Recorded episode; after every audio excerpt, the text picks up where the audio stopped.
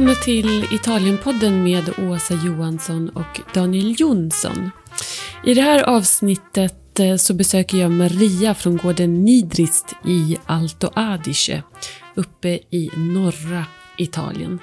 Det är ett svindlande vackert eh, landskap som möter en när man kommer till Alto Adige. Jag tog eh, tåget från Florens till staden Bolzano där man pratar mer tyska än italienska. I Alto Adige så är produktionen av väldigt hög kvalitet och också väldigt liten. Totalt så finns det 5000 vinodlare i Alto Adige som i genomsnitt har endast en hektar per gård. Eh, det finns eh, 200 vingårdar som buteljerar under eget namn och de stora kooperativen står för den allra största delen av produktionen för Alto Adige. De har varit väldigt viktiga för utvecklingen av vinproduktionen i Alto Adige som har en eh, eh, dramatisk historia. För att Alto Adige tillhörde det österrikiska ungerska imperiet fram tills efter äh, första världskriget. Då Alto Adige blev italienskt. Så man gick från att ha varit den mest sydliga vinregionen i det österrikiska ungerska imperiet till att bli den mest nordliga i Italien. Efter andra världskriget så försvann eh, marknaden för vinerna från Alto Adige och det var först när kooperativen efter andra världskriget började satsa på vinproduktionen igen som man började komma tillbaka.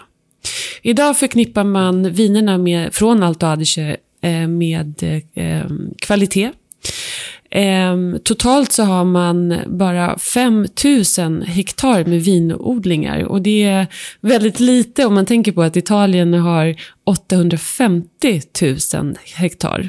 Och regioner som till exempel Chianti har 15 000 hektar och Chianti Classico 7 000 hektar. Så att Alto Adiges vinproduktion står för endast 0,7 procent av eh, Italiens totala produktion. Eh, vingårdarna eh, ligger på höga höjder som man eh, logiskt kan tänka sig. Eh, de sträcker sig från 200 meter över havet ända upp till 1000 meters höjd. Det man kanske inte eh, tänker så mycket på det är att det är mer sol än vad man kanske kan eh, tänka sig. Det är faktiskt 300 dagar Eh, 300 soldagar i Alto Adige.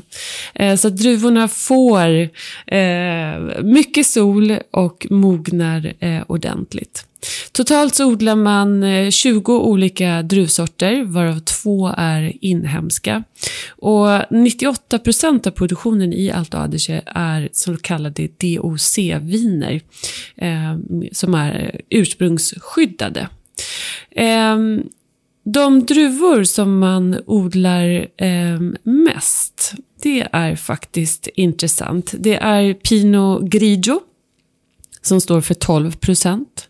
Sen så är det Gewürztraminer och sen den, det är båda gröna druvor. Och sen så har vi den röda, eller den blå druvan Schiava. Eh, som är, ger jätteintressanta lätta viner som påminner lite grann om Frappato från eh, Sicilien. Det är lätta, bäriga viner, eh, ljusa till färgen som jag personligen tycker är väldigt, väldigt goda.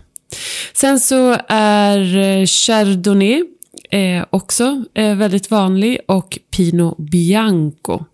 Eh, man odlar även de blå druvorna Pinot Nero. Man gör väldigt intressanta viner på just Pinot Nero från de här höga höjderna.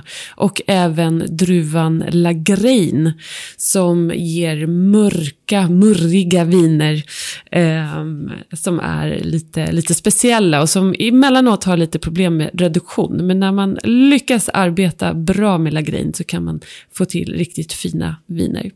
Det är alltså mest gröna druvor, 64 procent.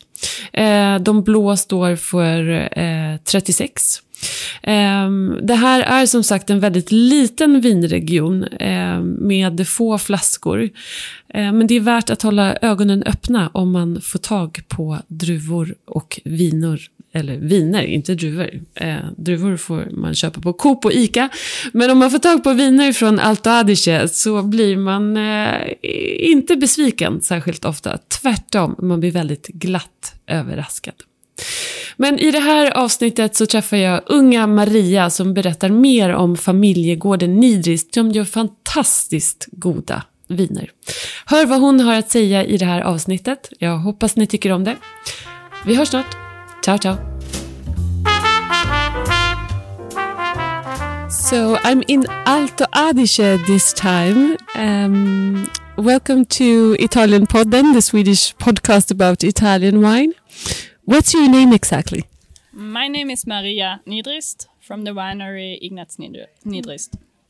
So we just uh, went to visit uh, you and uh, and your father in this beautiful setting. It's like uh, the Heidi uh, movie.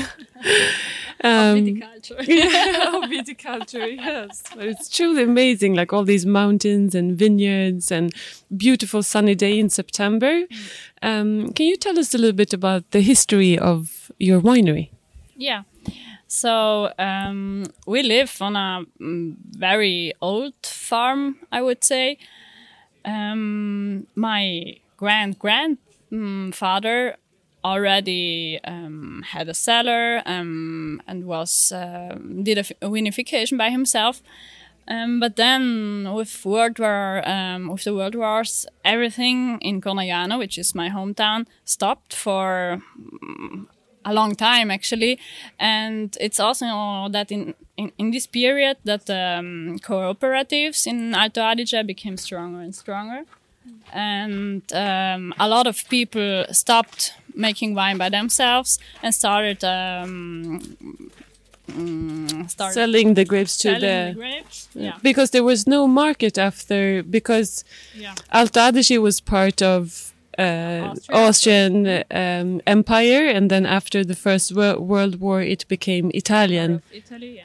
So from being the most southern uh, wine region, it became the most northern, yeah. and the market disappeared. There was not possible to sell the wines anymore. It was very difficult, yes, and uh, it took many years and also a lot of um, very good people to bring the also the the culture back the bring the wine back uh, also the the daily business back and my dad um, studied in uh, germany and then he he didn't want or I don't know actually. We had have to ask him, but he started as a um, enologist at the cooperative Colterenzio. He was there the winemaker for um, five, six, seven years. I don't know exactly. Then he he met my mom, and together they decided to um, start again the the winery with the culture at our home. So um, since 1990, we are doing or at least since 1995 I am doing. and um, first they started to to bring bring the old um, history back uh, or to to today, yeah. And they started doing it. Yeah, and how um, how how how did you? Because you also studied enologist. You told me that you have two degrees, uh, both from Vienna mm -hmm. And uh, from from Italy. Was it always obvious to you that you would continue the family mm tradition? No, no, I didn't want to do it actually uh, in the first place. But then I don't know. Um, I I'm very rooted here. I understood that um, there's a lot of uh, potential and a lot there are a lot of things to do also to to um, bring on and to um, carry on also the this tradition. Uh, yeah then i i did my uh, degree back here in high school in Alto Adige, and I decided to go to Vienna to see other another world because also the Austrian world is very different to our little world and I decided to have a look also on the really Italian side. For that, I chose the master to do, to do the master degree then in Italy. In Italy. Um, for me, it's important to bring um, different words together to understand a little bit more. sure, sure.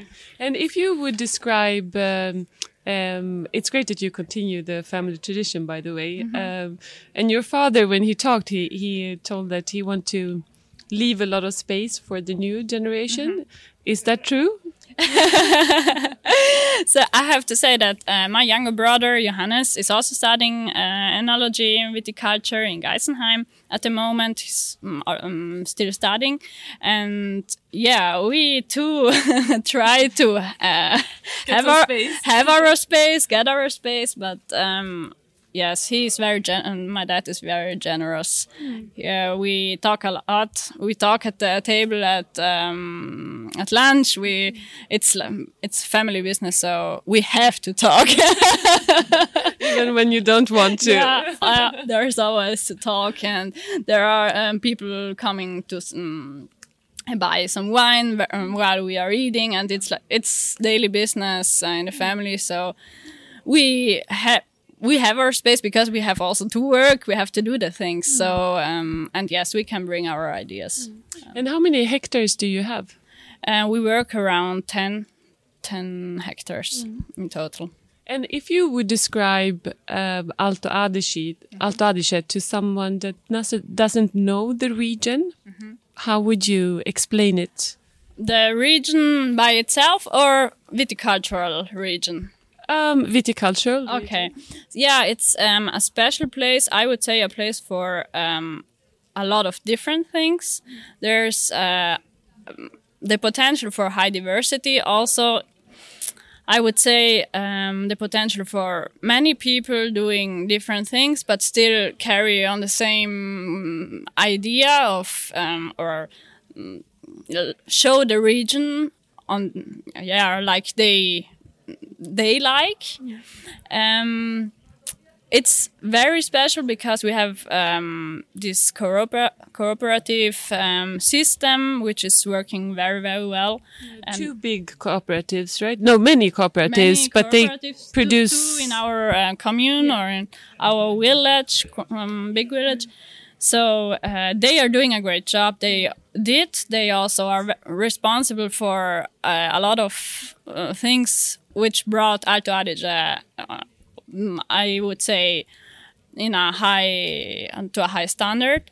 Um, still, we little ones, we we have our place, and it's important that we also um, do our thing and try the best. Yeah. Because it's a it's a small region Mm-hmm. and it it has the mountains and it's really interesting when you hear about the history that after the wars and uh, it was really difficult to grow Yeah. grapes you made more uh, money with growing fruit i understood Mm-hmm. Yeah, like true. apples, a lot of apples Therefore, we have a lot of apples today. beautiful apples all over yeah, it's true. but then also the change um, when um, when the cooperatives took over, but it was a quality thinking Yeah. that is not very common for co- No, cooperatives. it's, it's. Um, it's, I would say unique in the world. Um, uh, this cooperative, which is mm, very typical for the Alto Adige region, for the people living here. But then going towards quality was um, a decision which I think was, yeah, unique and the best they could do, actually. Sure. but still we have um, there is this we i believe that we can't make the mistake or uh, it is uh, difficult to be diverse and to um, do a lot of different things also by being small. So uh, we have to be very careful not to be too similar one to each other. And cooperatives mm, like they have a big part or they make a big part of the wine they are um, tending and they have to obviously um, do a lot of same things and They have to sell all their bottles. They have, to, be quite it, commercial. Yeah, yeah, they have to. They they can't do otherwise. So um, therefore, it's our job to do the the other things. The other things, and you do because the cooperatives uh, they have like seventy percent of the production in Alto Adige. Alto Adige. Um, I tasted too much wine before I can't pronounce Alto Adige. Um, but um, when we talk about grape varieties, um, we have seen a lot of uh, Chardonnay, uh, Sauvignon that sells really well, uh, Gewürztraminer. Which varieties do you work with? Um, yeah, that's also a point. We have many varieties, and we are um, testing a lot. Also, new varieties, varieties suitable for also um, warmer days. So, with climate change, we're trying to be prepared um, the best we can. So, we work with uh, Pinot Blanc here in Appiano Monte at higher altitude. Um, Which altitude are we? we are here at 600 meters. Yeah. Then we have Chardonnay, um, Pinot Noir, um, Sauvignon. We have also a little bit of Syrah now uh, at Cornaiano on the very um, top of the hill where the soil is um, not very rich. So Syrah is very suitable for that part and also suitable to warmer days, which are clearly coming, I would say. And um, um, there's also um, an indigenous variety called Lagrein. Do you work with Lagrein? We work with Lagrein because my mom is from the very heart or the, the most renowned zone um, for Lagrein, which is Gries near Bolzano. And um, my grandparents uh, work the, the wines there. And we make then the wine out from that from the grapes coming from Gries. So we have a Lagrein also in our portfolio, yes. and how is Lagrein? Because it's not common, and I think Yeah. many of us do not know Lagrein. How is it? It's a very dark colored um, red wine, heavier than Pinot Noir, more like Merlot or um, Cabernet, I would say, but not um, that elegant. I would say it's also an um, very. Uh, it's a good point for Lagrein to be a, uh, a little bit of a rustic, more. Um, yeah, rustic. I would say is a good description, but still can be very elegant. Um, Do you have to? Is it difficult in, in the field and in the cellar to work with? Do you have to be careful? Yes, you have to be careful that it doesn't become too rustic. It, yeah, that's that's the most problematic. and then there's another one called Schiava. Mm-hmm. Do you have Schiava also? we had Schiava, um, but now we don't have anymore. But we are thinking to replant it. Um, we have a, a lot of grape varieties still now in our portfolio, so we are not sure. It is very difficult in uh, vit- uh, the viticultural part of Schiava is very difficult. My dad always says Schiava is the most uh, difficult Why? in field and then in the cellar. In the field, now we have this um, Drosophila suzukii, which is a little fly, which uh, has been. It is an Asian fly actually, and then was uh, brought to Europe some um, years ago. Is causing very great damage actually, and it is not that easy to contain the damage. Um, is very. Um, how do you say? Is it like wild, or, the, or is it perceptive to this? uh, perceptive yeah very perceptive to this fly because it has very uh, thin skin. Okay. so and this uh, has great um, big berries and all yeah. It's not that easy. And then in the cellar uh, it's not that easy uh, because it uh, tends to re- become reductive um, you have to be very careful all the time very light color also. light colored is very sensitive uh, yeah you have to be careful uh, but in the end it can be a very very nice um, variety i would say it's full of uh, also full of potential for the region i would say it's our one of our grapes so Yeah. we have to carry on with them and uh, many Swedes probably know Alto Adige for the mountains and for the high altitude. Which altitudes do you grow uh, grapes on? in general, there's viticulture from nearly 100 meter to up to now 1,200 meters. We are cultivating them between 450 to, or the Lagrein is growing at 300, 200. But um, our main part is from um, 450 to 600, I would say. Okay. And this is the most suitable area for viticulture mm. here. Mm. with climate change, we have to see how it's how it's going. We can go uh, up the mountain a little mm. bit still. Also, yeah, we will see. we'll see what happens. Uh, thank you so much, and I wish you good luck. We just tried some of your wines, some beautiful uh, Chardonnay, uh, just like perfectly balanced in oak. They were really, really wonderful. Really enjoy them. So thank, you. thank you very much, and good luck with everything. Thank you, thank you. Bye bye.